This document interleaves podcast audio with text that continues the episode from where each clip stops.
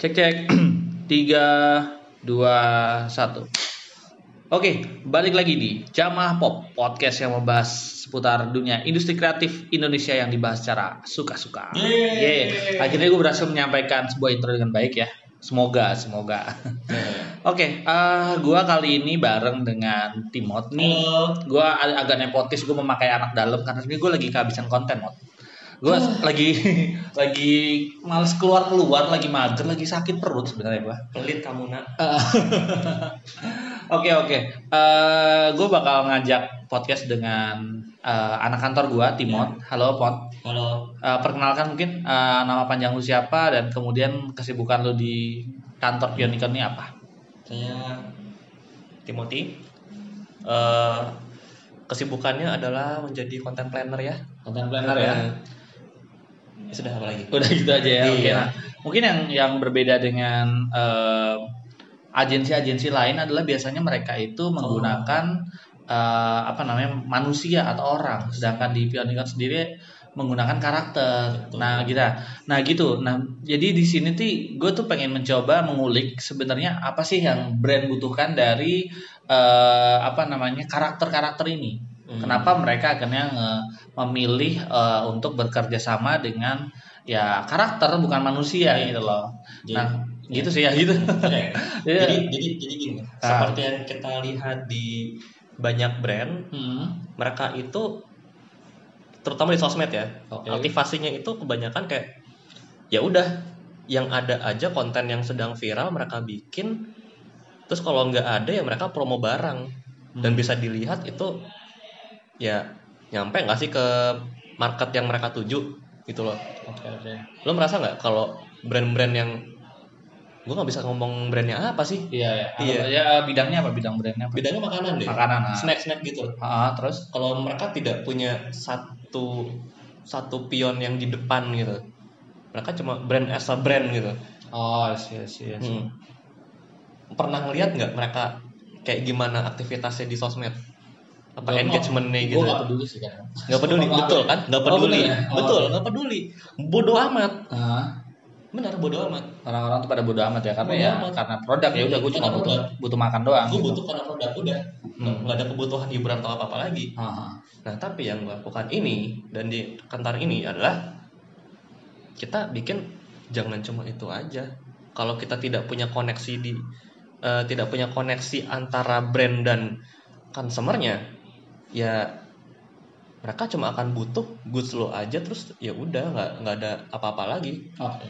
Kalau mereka eh, si brand ini punya campaign atau gimana, ya brand apa si consumernya itu juga ya udah gue nggak peduli juga gue cuma butuh brand butuh butuh apa butuh inilah aja Apanya? produk lo aja Produk. lo. Mm-mm. Oke oke nah. itu pun kalau mereka butuh produk lo kalau misalkan produk lo adalah snack gitu Ah. orang butuh nggak butuh lo lo Iya, lo iya. tanpa snack lo bisa hidup gitu nggak nggak nggak tiba-tiba langsung mati lah gitu nggak nggak ada Hmm.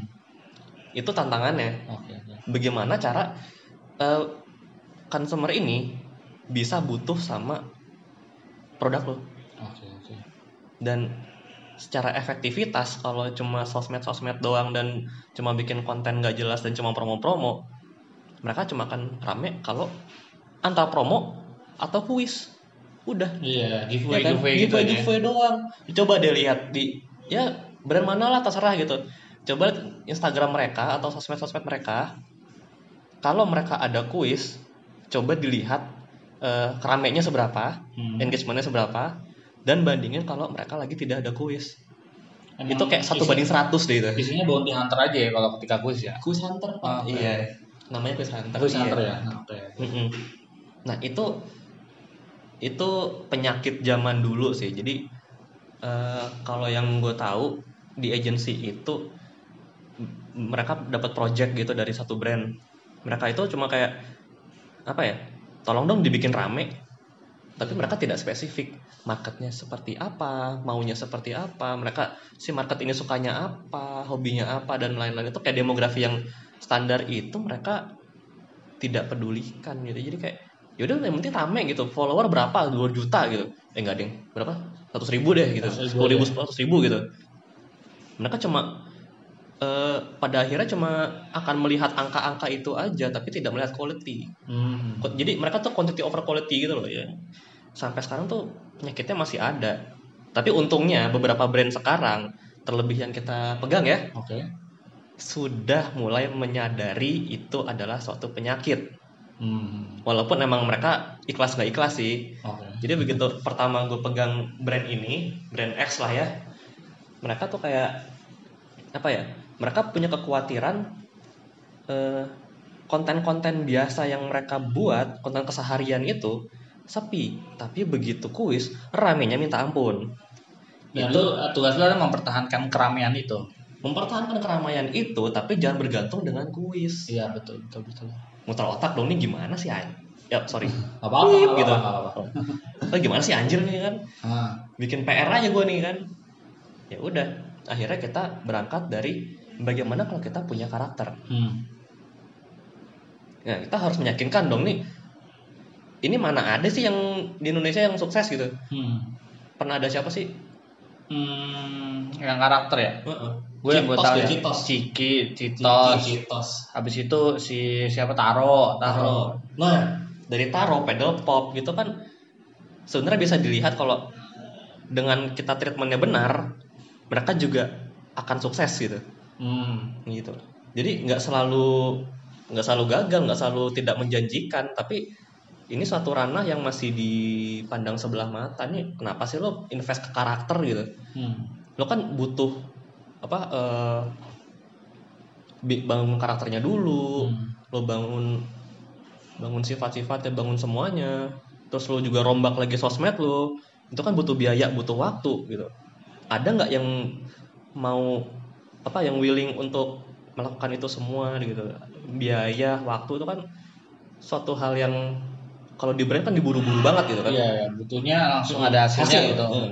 hasil gue nggak mau tahu hasil gitu nah di sini kita jadinya bikin apa kita tidak berangkat dengan karakter saja gitu sedangkan juga eh, untungnya di brand yang gue pegang ini udah punya satu karakter tapi belum ada aktivasinya Hmm. jadi karakter ya ya udah asal gambar ada orang pakai baju merah udah selesai gitu Iya, iya. tapi eh, sifatnya seperti apa mereka dia sukanya apa dia ngapain nggak ada ceritanya. Hmm. nah dari situ kita develop. Dia ngapain sih di sini gitu? Dia sebagai apa sih? Apakah dia anak sekolah? Apakah dia anak SMP SMA gitu? Kita bangun dari storynya. Hmm. jadi eh, gini semua yang sukses itu pasti ada storynya. Bahkan motivator yang lu bilang eh, sukses itu butuh begini begini begini mereka juga menyampaikannya dengan story Storytelling lah ya. betul sekali dengan story semua bisa terjawab Hmm. gitu Itu yang coba lu lakukan terhadap eh, brand-brand yang lu pegang gitu ya. itu Oke deh. Nah, nah terus terus. perlu di itu juga terbukti dari teori yang gue baca pas gue kuliah komunikasi Hmm. itu namanya ada narrative paradigm Hmm. jadi semua itu memang berangkat dari story. Bagaimana cara kita eh, bercerita dan itu bisa bikin orang percaya itu Oke. intinya di situ. Nah setelah itu ya udah kita mendevelop itu dari awal dan ya pokoknya eh, long story short akhirnya itu jadi. Oke. mereka jadi ada teman-temannya juga sebagai sidekick gitu. Ya udah kita mulai gitu. Mulai dari awal dan bener sepi Di awal sepi pasti. sepi pasti sepi oke. pasti sepi dan ka- karakter orang Indonesia itu tidak mau baca caption Ah, oke. itu bahaya sekali makanya ya itu kita banyak trial and error itu setahun deh Ya cukup lama juga ya. cukup lama Dan itu brandnya pasti gimana tuh? Ada responnya tuh kok ini kagak ada hasilnya gitu. betul sebulan pertama tuh mereka juga kayak mas ini kayaknya nggak bener ya. Kita harus cep, harus pintar-pintar meyakinkan. Ah, kita juga eh, kasih tahu mereka tuh dengan story juga. Oke. mbak ini baru satu bulan. Kita juga butuh proses. Ini juga kita lagi riset apa yang mereka apa yang eh, target market brand ini butuhkan gitu. Apa yang mereka suka apa yang mereka cari. Kita juga masih mencari di satu bulan ini. Nah bulan berikutnya kan udah mulai kebaca pelan-pelan. Nah, kita terapin. Oh ternyata market-market ini tuh anak-anak SMP loh anak-anak SD SMP Oke, yang baru ketahuan ya itu ya. Hmm. Oke, sebenarnya. yang yang yang demennya tuh apa ya tren-tren kekinian yang mereka pengen pengen terlihat gitu pengen eksis ya itu itu salah satunya gitu ya udah di bulan kedua kita terapin kayak gitu dan masih sepi sih tapi ada kenaikan Nggak ada kenaikan. ada ada kenaikan kita juga dari situ kita tidak posting itu sebagai brand. Kita posting Oh, itu oke. sebagai si karakter itu. Jadi misalkan mereka komen mereka mengandaikan gitu mereka berinteraksi dengan karakter yang kita buat. Itu sih. Dan itu itu proses cukup lama itu enam bulan. Biasanya kan kalau apa eh, brand-brand itu kan di sosmednya ngomongnya manmin manmin manmin minsai min Oh, oke. min apa sih ya gitu gitu lah kan Iya, iya. Admin ya, dari, admin kata, dari kata iya, admin ya. dari kata admin Hmm. dan itu tuh kayak itu mengganggu banget sih buat gue ya Oke. Ini kayak apaan sih anjing Karena lu gitu. tidak karena lu tidak dipanggil sebagai brand atau apa ya? Lu dikenalnya Hmm. sebagai admin, Sebagai bukan admin. bukan brand lu atau karakter iya. lu gitu. Oke. nah itu juga jadi problem yang harus kita selesaikan harus dicari solusinya. Nah makanya itu kita posisikan eh, semua konten kita yang kita tulis dan kita gambarkan di satu gambar itu kita sebagai karakter itu. Jadi Hmm. tidak ada brand. Tapi brandnya ada ada tetap ada logo dan macam-macamnya ada pack shot ada eh, placementnya di konten itu tetap ada. Cuma itu sih kita posisikan itu sebagai karakter itu misalkan Andi deh Andi ini Hmm. ada nama karakternya Andi itu biar biar gampang deh ya Hmm. gue posisikan diri sebagai Andi Hmm. jadi cara gue membalas cara gue berkomunikasi sama mereka itu gue sebagai Andi sampai pada ada komplain-komplain yang masuk dari DM itu juga gue balas sebagai Andi Oh, sebagai gitu Oke, terus sebagai, eh, mau menanamkan brand si karakter itu sendiri ya Betul. terhadap itu. Mm-mm. Oke. Jadi admin itu udah nggak ada. Jadi admin itu ya si Andi ini. Gitu. Hmm. Oh, lu lagi berbicara dengan sosmednya Andi gitu ya? Betul. Oke, oke. Pakai sosmednya si brand ini Ah. gitu. Nah ternyata yang model-model seperti itu sekarang sudah mulai banyak dipakai. Oh, gitu. Mungkin itu eh, siapa virtual asistennya Oh, Dana bukan. eh bukan Ada, ada. yang BCA siapa namanya Aduh, nggak tahu. Nggak tahu kalau Vira Vira Vira. Vira virtual asisten kan Oh, Oke, oke. Gue tahu Dana, Dana ada juga. Dana ada. Gara-gara gue dengerin podcast juga. Oh, gitu. Ada, ada Dana. atau Job Street Lina ya Lina, Lina Job ya, kayak Street. gitu-gitu ternyata itu yang Hmm. bisa bikin kayak oh gue berkomunikasi dengan manusia gue berkomunikasi dengan satu karakter yang punya punya pendirian punya pendirian apa ya Yang punya yang- sifat punya hidup punya gitu. sifat, iya, benar. yang hidup. Dan lu menyampaikannya dengan bahasa yang tidak baku gitu ya, tidak Iya, ala korporat gitu. jangan baku iya. Kalau Dan- baku semua menyingkir Dan akhirnya juga yang kemarin juga sempat ramai itu yang di Twitter kayak Mbak Wendy's nah dan iya. lain-lain gitu juga akhirnya juga seperti itu juga ya. itu jadi pengembangannya dari semua yang udah kita bangun nanti Hmm. gitu Tapi kadang juga ada cringe juga sih yang kayak Grab, Gojek gitu kadang juga kayak too too much gitu ya kayak iya kadang you know when to stop lah gitu iya, ya, itu pinter-pinternya. Hmm. Nah terus eh, menurut lu kan eh, branding ini Hmm. Eh, itu seberapa penting sih untuk sebuah produk ya? Soalnya kayak gue ngerasa branding itu sesuatu yang intangible gitu. Sedangkan untuk produk makanan yang jadi matters kan adalah eh, penjualannya, maksudnya kayak jumlah penjualannya gitu. Jadi Hmm. eh, kenapa si produk ini harus eh, ngeluarin duit buat branding gitu? Menurut lu kenapa tuh? Nah, kalau misalkan si brand ini emang goalnya itu untuk long last, Hmm. Itu sangat dibutuhkan banget. Oke.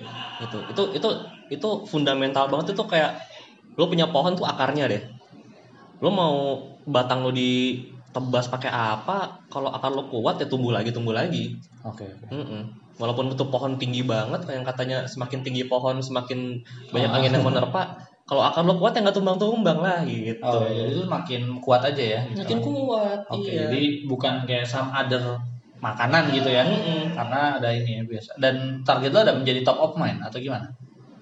sementara belum ada top of mind tapi kalau misalkan di sosmed gue mau sombong dikit ya kalau Oke. misalkan di sosmed itu lo kepikir satu overall gue yakin lo akan keinget dia Hmm. gitu Oke oke. di samping emang ada satu yang udah gede banget ya Iya iya. iya. itulah itu sih Oke maksud oke. gue kayak gitu Oke dah. belum ada top of mind tapi ya nyangkut lah di pikiran orang gitu Nah, oke. jadi selama lu bekerja sama dengan brand ini Hmm.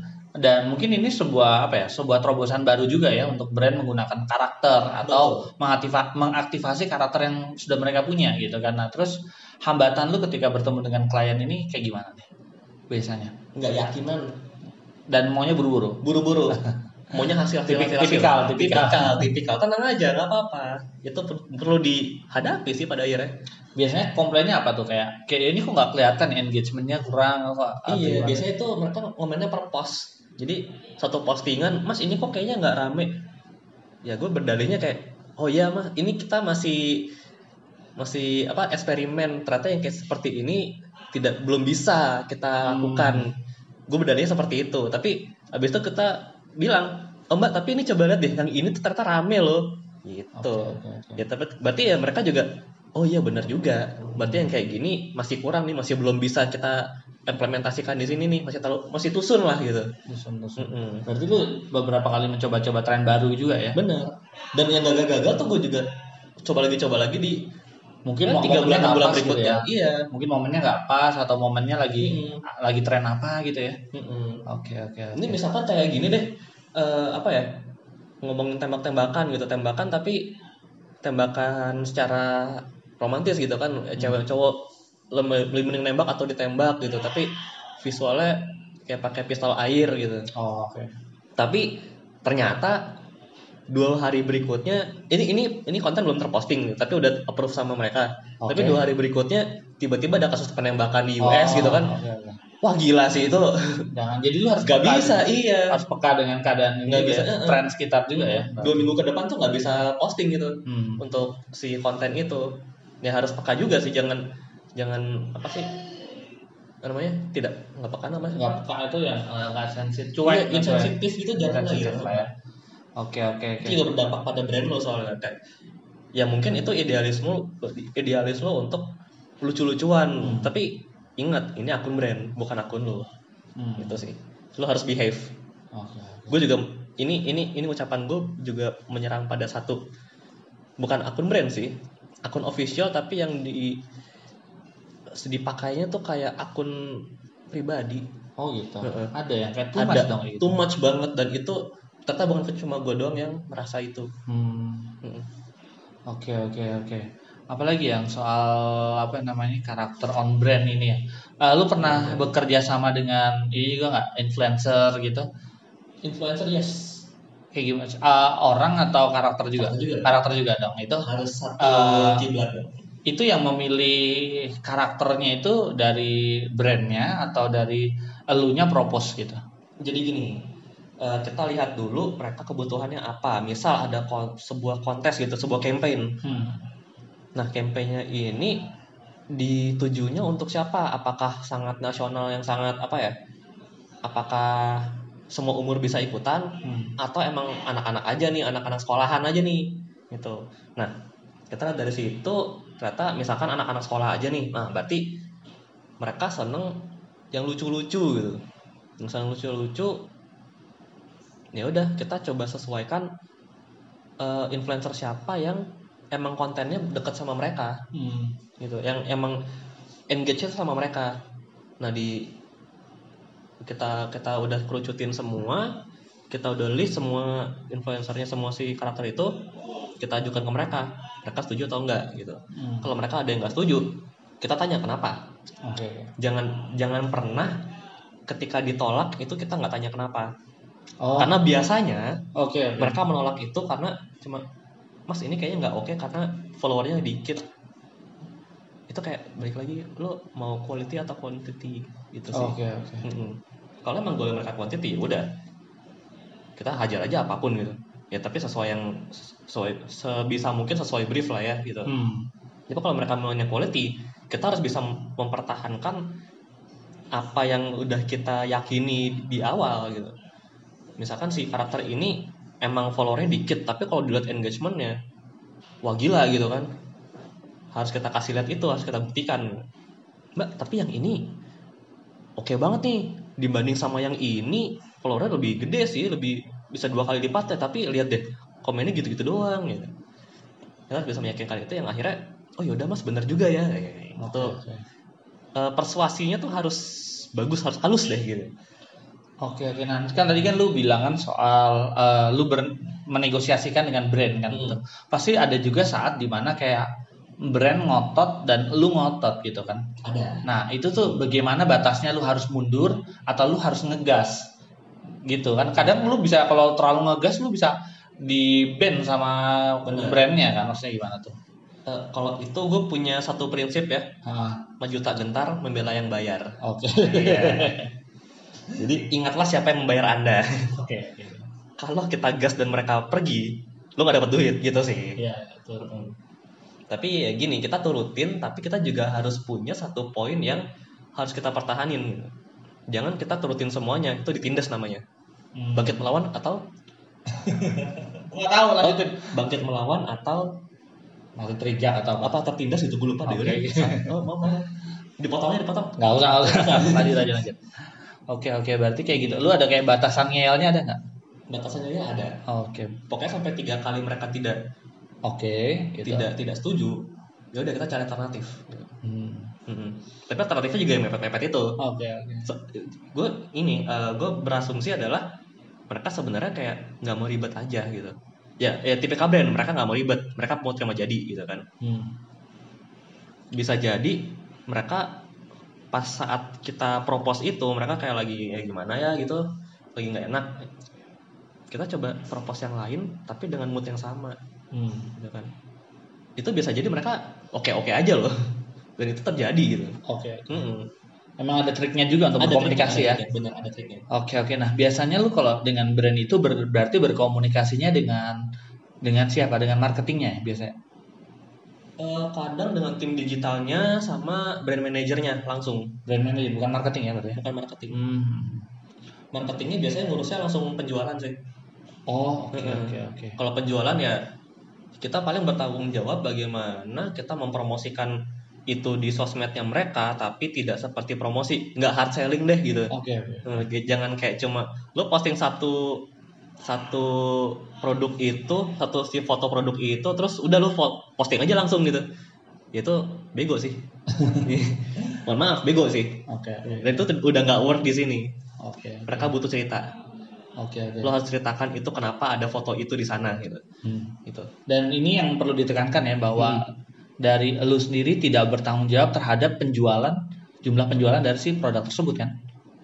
Eh, secara langsung tidak tapi kita juga punya goal bagaimana si anak-anak ini bisa ada drive untuk membeli itu Hmm. gitu sih dan oke ya. dan ternyata begitu kita nggak dapat data aslinya karena mereka tidak kasih ya Hmm. tapi kita tanya secara lisan katanya ya dari pertama gue pegang ini 2017 awal 2017 awal sampai sekarang ini eh, penjualannya ada mengalami kenaikan Mengalami kenaikan ya. walaupun nggak drastis gitu kan Oke, tapi ada progresnya naik bukan turun Hmm. gitu Atau bukan tidak eh, tidak stagnan juga ya? nggak stagnan Oke. ada oke. kenaikan dan selalu ada kenaikan Hmm, itu tapi- juga nggak lepas dari mereka punya inovasi produknya itu sendiri juga sih cuma ya harus lagi. berkesin- berkesinambungan juga ya. Benar. Ada sinergi juga antara eh, campaign dengan inovasi produk juga kan? Oke, oke. lu inovasi tapi nggak ada yang tahu mati juga mati juga Iya, gitu kan. Oke oke. Tapi ya itu sih ya. eh, lu- eh, tapi sebagai sebagai agensi gitu, memang kewajibannya tidak ke arah sana kan. Maksudnya kayak Mm-mm. eh, apa namanya? Kayak ini kok penjualan gua nggak bagus nih gitu kan? tidak secara langsung Tidak secara langsung. Hmm. Tapi banyak banyak banyak faktor juga nah, Hmm. pernah ada penekanan seperti itu nggak bahwa kok ini punya gua nggak laku-laku nih gitu? justru saya yang protes Oh gitu. iya Gimana? jadi misalkan mereka punya produk baru nih Hmm. kita harus woro-woro harus apa kenceng Hmm. harus promosi banyak banyak banyak kita udah promosi nih Hmm. udah udah udah seminggu lebih lah gitu kita promosi mulai muncul komen-komen kak ini kok belum ada di daerah saya Oh gitu. Jadi lo kayak itu gue yang galak sih Berarti lu untuk kes, eh, ini ya, untuk sosmednya berarti memang lu lu lu juga megang ya full ya. Bukan lu ngis- bikin konten terus dikasih ke mereka enggak ya? Lu berarti Enggak, megang kita megang, Oh, iya. Oke oke. kita yang megang nah itu juga problem ternyata mereka belum laku itu karena distribusinya juga belum rata belum rata ya itu yang kita emosi dan itu jadi alibi lu juga untuk Iya. kayak oh ini kok lu sendiri juga ini kok gitu Nah makanya setelah itu begitu mereka ada produk baru, gue selalu nanyakan lagi, yakinin lagi, Hmm. ini udah kesebar di semua atau belum? Atau setidaknya udah kesebar di mana aja nih? Ah, Itu perlu tahu juga. Jadi misalkan ada yang nanya, kak di sini kok belum ada? Misalkan dia ternyata di Sumatera gitu, di mana sih Bengkulu gitu? ah. Ya kita bisa menjawab itu ya ternyata Bengkulu masih ada di giliran keberapa gitu buat oke. distribusi masih ada di bulan kapan gitu jadi mereka juga oh ya udah nanti aku tunggu aja daripada kayak ah ini apaan sih nggak jelas nggak ada beli yang lain aja deh gitu Oke. oh bahaya bahaya ya bahaya itu. banget iya Oke. jangan sampai eh, target market akan berpikir seperti itu. Nggak boleh. Oke jadi gua gua mau tanya soal sosmednya. Yes. Ke- untuk DM komen gitu kan berarti lu Hmm. harus membalasnya. Harus. Nah itu ada jangka waktunya nggak? Misalnya kayak buat lu sendiri ada batas waktunya nggak? Maksudnya mak- maksimal dua hari gitu harus balas atau kurang dari 24 jam harus balas gitu atau gimana? secara eh, itu tergantung brandnya sih mau gimana. Tapi brand yang gue pegang ini mereka membebaskan untuk itu.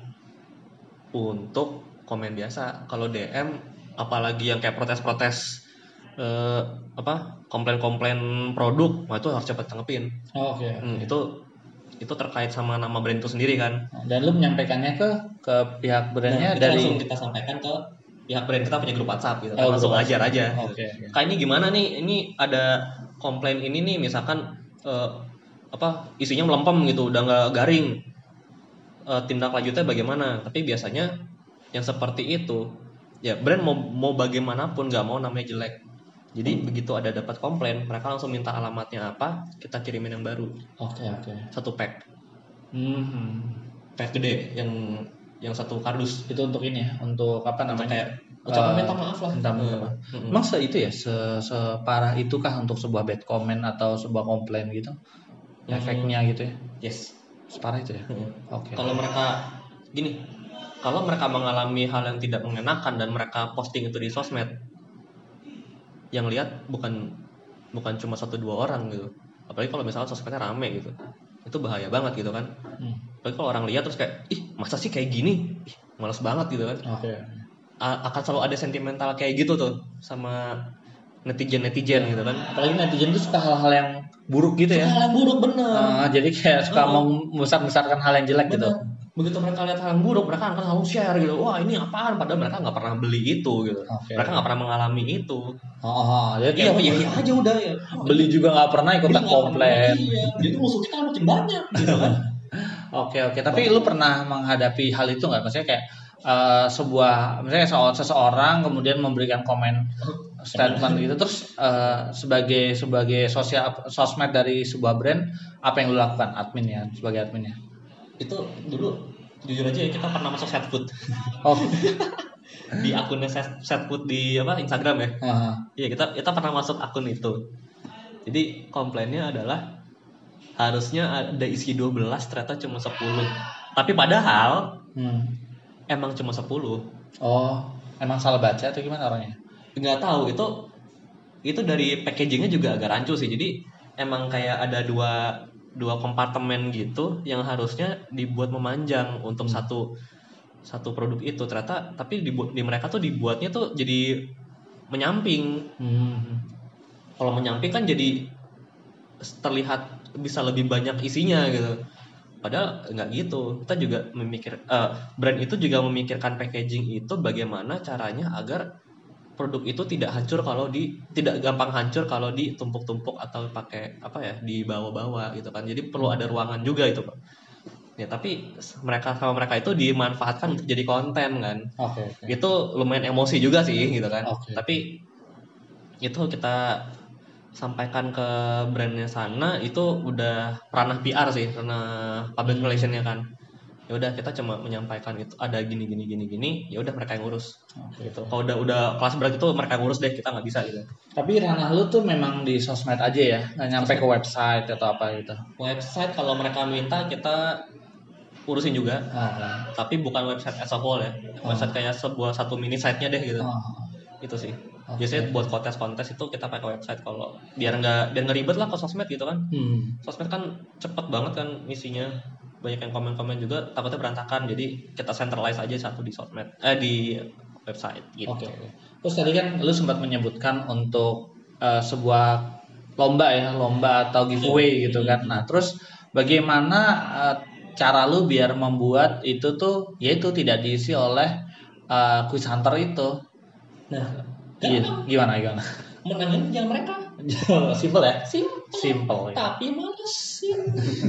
buat sebagian orang itu malesin karena harus lihat profilnya seperti apa eh profile picture-nya gimana apakah dia ibu-ibu atau anak kecil yang ternyata dipegang sama ibu-ibu kita harus cari tahu juga gitu Oke, oke.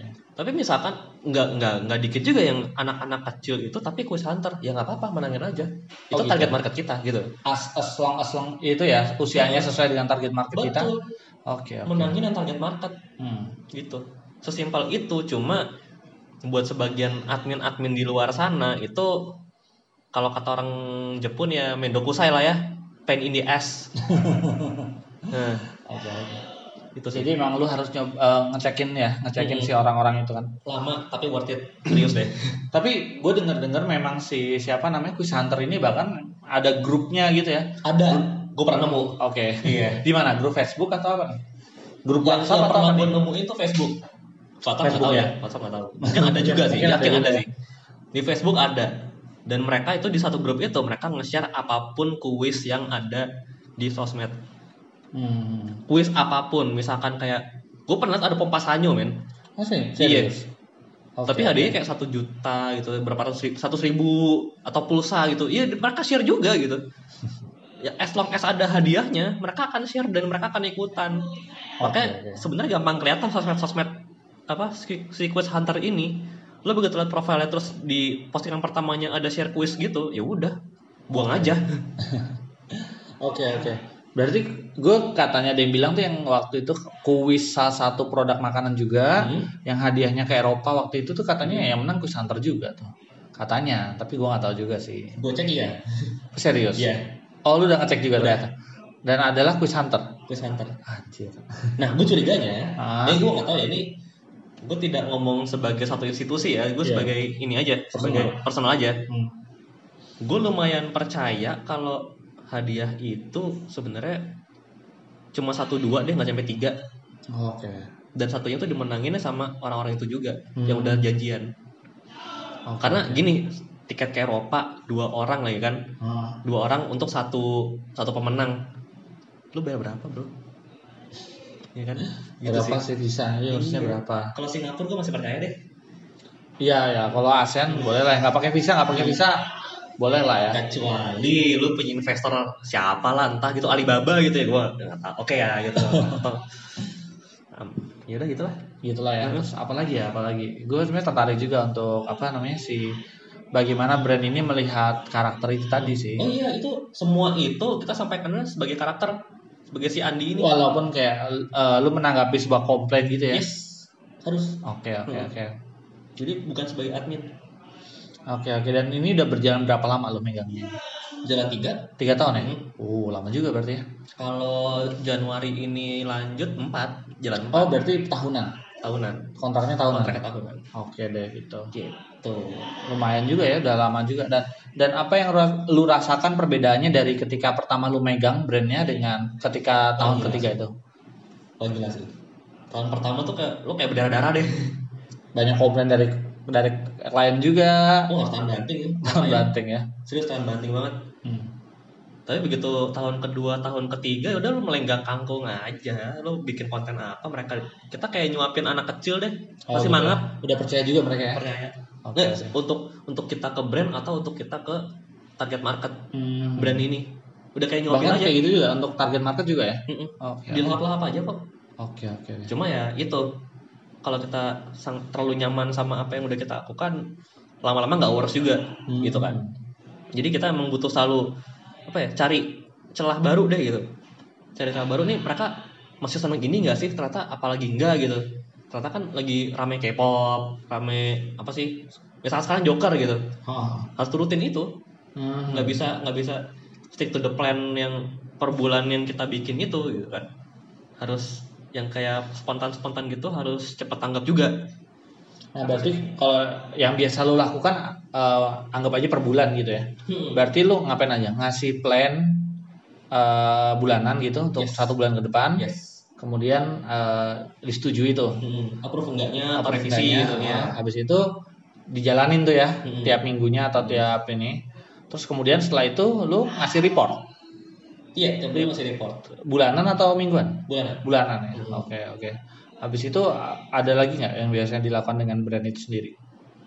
Hmm, biasanya evaluasi sih. Evaluasi aja ya. evaluasi itu kalau kalau report kan eh, sebagai angka ya Hmm.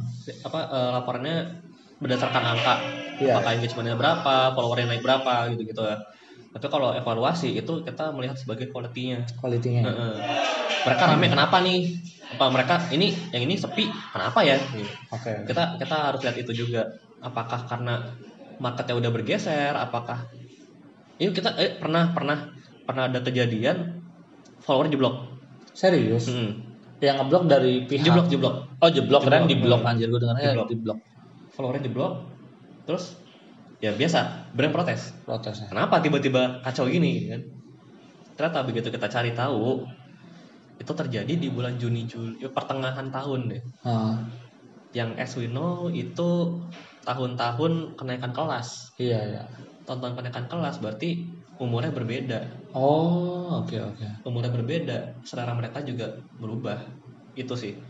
Itu itu satu siklus yang kalau lo pernah handle sosmed lo akan selalu lihat itu ada. Apalagi kalau lo lagi eh, megang akun-akun untuk anak muda. Untuk anak muda anak sekolahan. Itu pasti terjadi. Coba lihat deh itu Gitu sih. ya. Mm-mm. Dan itu memang terjadi di tiap tahun ya. Ketika lo megang brand ini. pasti terjadi tiap tahun selalu pertengahan tahun itu so, itu kayak dark age-nya deh Oh dapat. Heeh. Dan dan untuk mengatasi itu, lu apa yang lu lakukan waktu itu? Ada nggak? Turutin aja sih. Turutin aja ya. Maksudnya ya udahlah itu ya udahlah itu lepas gitu ya. Hmm. Gitu bakal lewat gitu aja ya. Nanti ketika udah mulai bulan-bulan berikutnya juga mulai lagi naik lagi ya. betul benar benar benar Serius ya. belum berikutnya naik lagi Oke. Soalnya sebagai konten eh, di di di apa ya di sisi konten kita menjalankan hal yang sama sebelumnya gitu Hmm. di bulan-bulan sebelumnya juga sama aja gitu tapi kenapa ini tiba-tiba menurun gitu kan itu sih Hmm, oke oke. dan dan pada akhirnya kita menjalankan satu hal yang sama di bulan Agustus September naik lagi kok Oke oke. Mm-mm. Nah, lu pernah gak sih kayak kan biasanya tuh eh, ada tuh admin-admin gitu yang salah posting gitu. wah gue juga pernah Pernah ya? pernah Salah maksudnya akun pribadi ke akun brand gitu dan lain-lain. Oh, gue enggak. Iya, akun gue posting untuk brand tapi di akun gue. Oh kembali gitu ya. Untung sih masih untung. Untungnya itu. Ah, Apalagi gue lagi posting kuis lagi kan. Kuis. Mampus. Tiba-tiba following gue banyak. Eh, follower gue banyak. iya, serius, serius, serius. Follower gue tiba-tiba banyak. gitu. Iya. Geblek geblek. Dan gue sadar itu 10 menit kemudian. Oh masih aman lah ya. Iya, 10 menit kemudian tapi follower gue udah nambah. serius, itu aneh. Itu aneh. Padahal gue posting satu ada ya lo lihat lihat si postingannya ini udah brand banget deh gitu kan. Ah. Udah ada logo, udah ada orang, iya captionnya juga rapi banget. Haha. Tapi ada aja lo yang jawabin postingan gua gitu. Geblek. Padahal gua nggak 10 pernah menit follow dan- mereka. dan itu 10 Iya, menit dan ya? cuma 10 menit. itu menandakan bahwa kekuatan hashtag itu hebat. Hashtag ya, gue agak Hashtag. meremehkan sebenarnya hashtag. Gue males banget pakai hashtag banyak-banyak, tapi Hmm. sebenarnya it works ya. Enggak, hashtag yang spesifik yang lo pakai tiap lo posting aja. Oh oke. Misalkan postingan kuis gitu, ada kuis mingguan apa gitu. Hmm. Ternyata orang-orang tuh apa sih, apalagi kuis hunter kan, mereka udah pa- pantengin itu. Oh, udah mantengnya itu. ya? Hmm, udah pantengin hashtag itu. Oke oke oke. Kadang mereka juga nggak follow brandnya juga, mereka Oh. cuma lihat hashtagnya aja.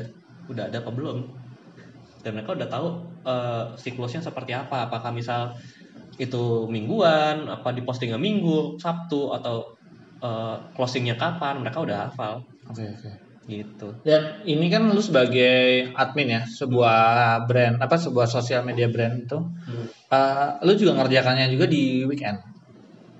Dulu iya, tapi sekarang udah ada satu tools yang bisa nge-schedule semuanya. Termasuk Jadi Instagram? Instagram. Instagram juga udah. Tapi Instagram beberapa masih harus push harus push sendiri Oh, Oke. harus diklik-klik di gini kita gitu kan Oh, Oke oke. Kalau gue sih, Hmm. gue tahu kalau di macam di apa namanya Facebook gue tahu, Hmm. Eh, Twitter tahu. Cuman Hmm. kalau Instagram gue nggak tahu kalau memang ada aplikasinya untuk itu. Instagram udah ada cuma untuk konten-konten yang kayak cuma gambar-gambar aja tapi kalau video tuh harus tetap lu push Oh, oke, dari oke, oke. manual Enggak, tapi pushnya juga lu tinggal klik-klik aja.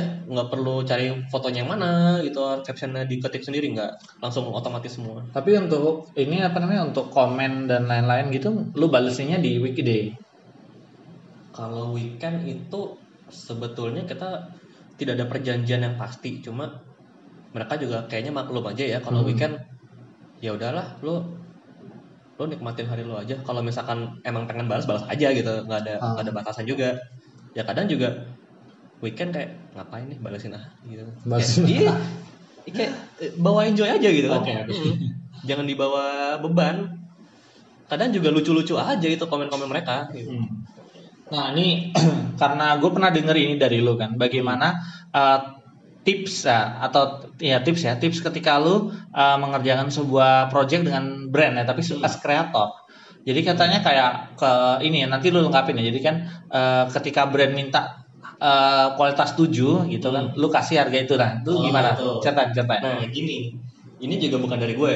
Hmm. Ini dari satu kreator ya, Satu kreator. yang pernah kerja di sini juga. Oh, Perlu gitu. disebut namanya? Boleh, boleh. Ricky. Ricky. Iya, Oke. Jadi kalau lu denger ini, ini suatu paham yang gue pakai sampai sekarang. Halo Rick. Halo Rick. Thanks to Ricky. Ya, thanks, out. Ricky. Mantap. Jadi apabila klien meminta kualitas 7, maka berikanlah 5 dan yakinkanlah bahwa itu adalah 7. Jadi, misal si klien akan suatu saat akan minta 9, lo nggak akan keteteran.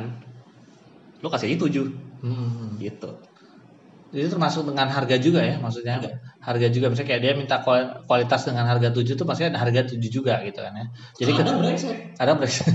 minta 7 harga 4 gitu brengsek emang. iya. Makanya kita juga harus ada precaution kan? Ah, Gitu. Makanya ketika ada ketikan kenaikan harga juga, misalnya eh ketika ada kenaikan kualitas juga, berarti Hmm. itu ada kenaikan harga juga gitu kan ya gitu gitu. Dan lu ngelihat ini sebagai orang yang bekerja sama dengan brand gitu kan, eh, it works nggak sih menurut lu? terus Works banget. Heeh. Oke oke. Dan itu ya jadi itu yang mungkin perlu di ini tips yang menurut gue berguna juga untuk apa namanya si si kreator apabila menghadapi sebuah brand Hmm. gitu. Kadang ketika misalnya kayak kayak eh, orang ngasih dikasih har- apa brandnya minta harga 7, misalnya harga 7 kualitas 7, Hmm. kemudian lu kasih 10, kemudian ketika mereka mereka mau ngasih apa mau mintanya bakal minta dengan kualitas 10 Hmm. akhirnya karena mereka berpikir itu uh, harganya apa harga 7 kualitas 7 ya segitu gitu loh. iya betul itu Betul. bahaya Makanya Mm-mm. jadi kayak ya menurut gua untuk brand mendingan berikan berikan se, se ini ya maksimal se se se seharga mereka memberikannya gitu loh. Betul. Jangan terlalu Sesuaikan. terlalu bagus misalnya gua ngerasa kayak terlalu bagus tuh akhirnya jadi jadi ngelunjak nanti brandnya. Misalnya kayak oh gua kemarin harga segini uh, kualitasnya segini kok. Mungkin Iya. mungkin kenanya mungkin nggak di elu. Hmm. bisa jadi ke orang lain Orang gitu. lain, gue betul. bayar bayar segini dapat kualitasnya segini kok gitu Hmm. dari orang ini. Gitu kok lu mahal banget gitu. Bisa jadi nggak bagus juga buat buat kreator lain juga ya. Hmm.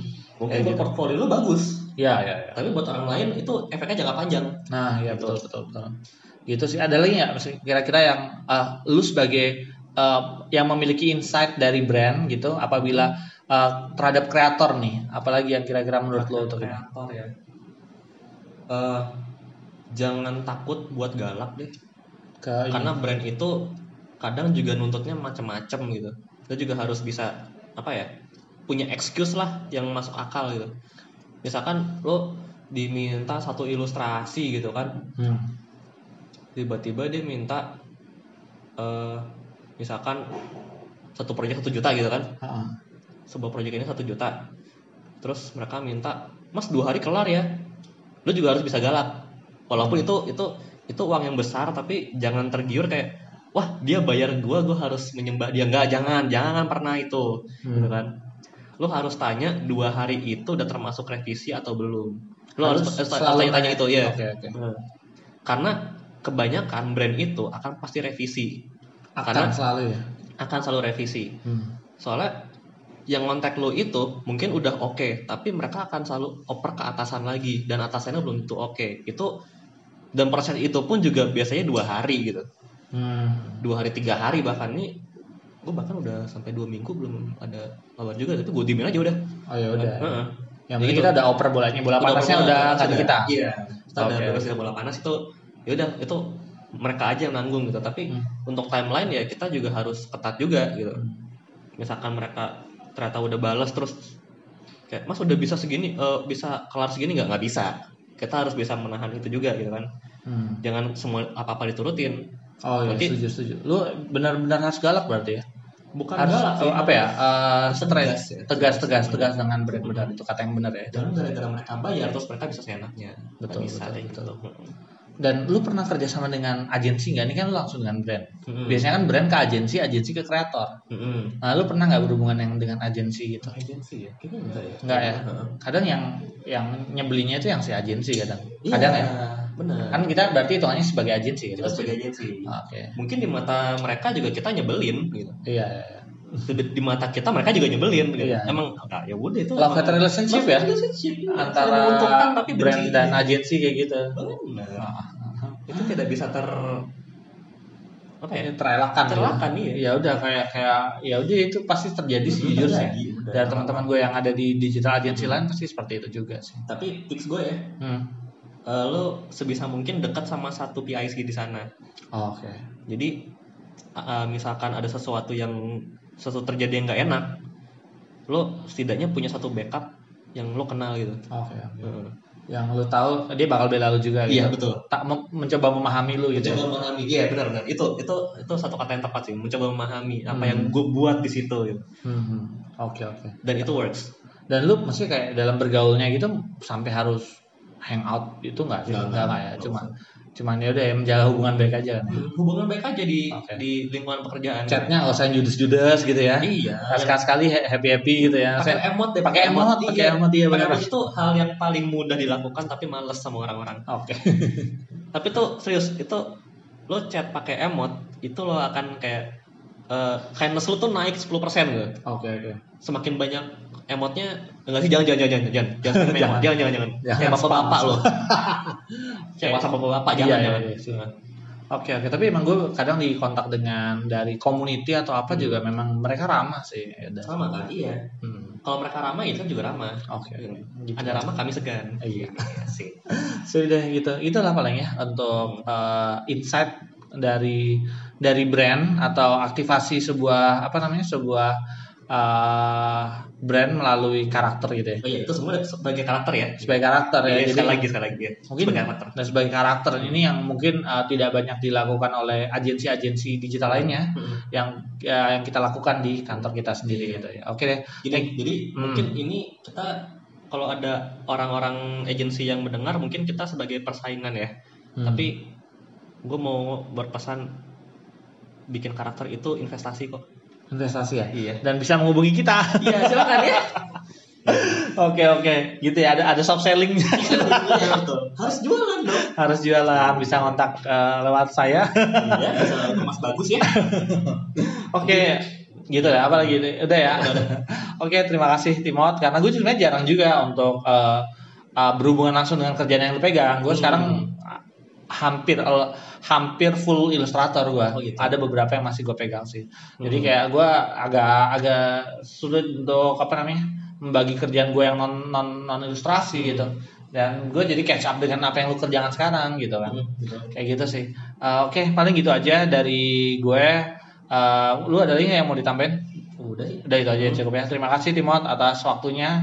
Kita lagi tag di makan siang nih. Iya. Udah makan belum ya? Udah deh, udah, udah makan, udah makan.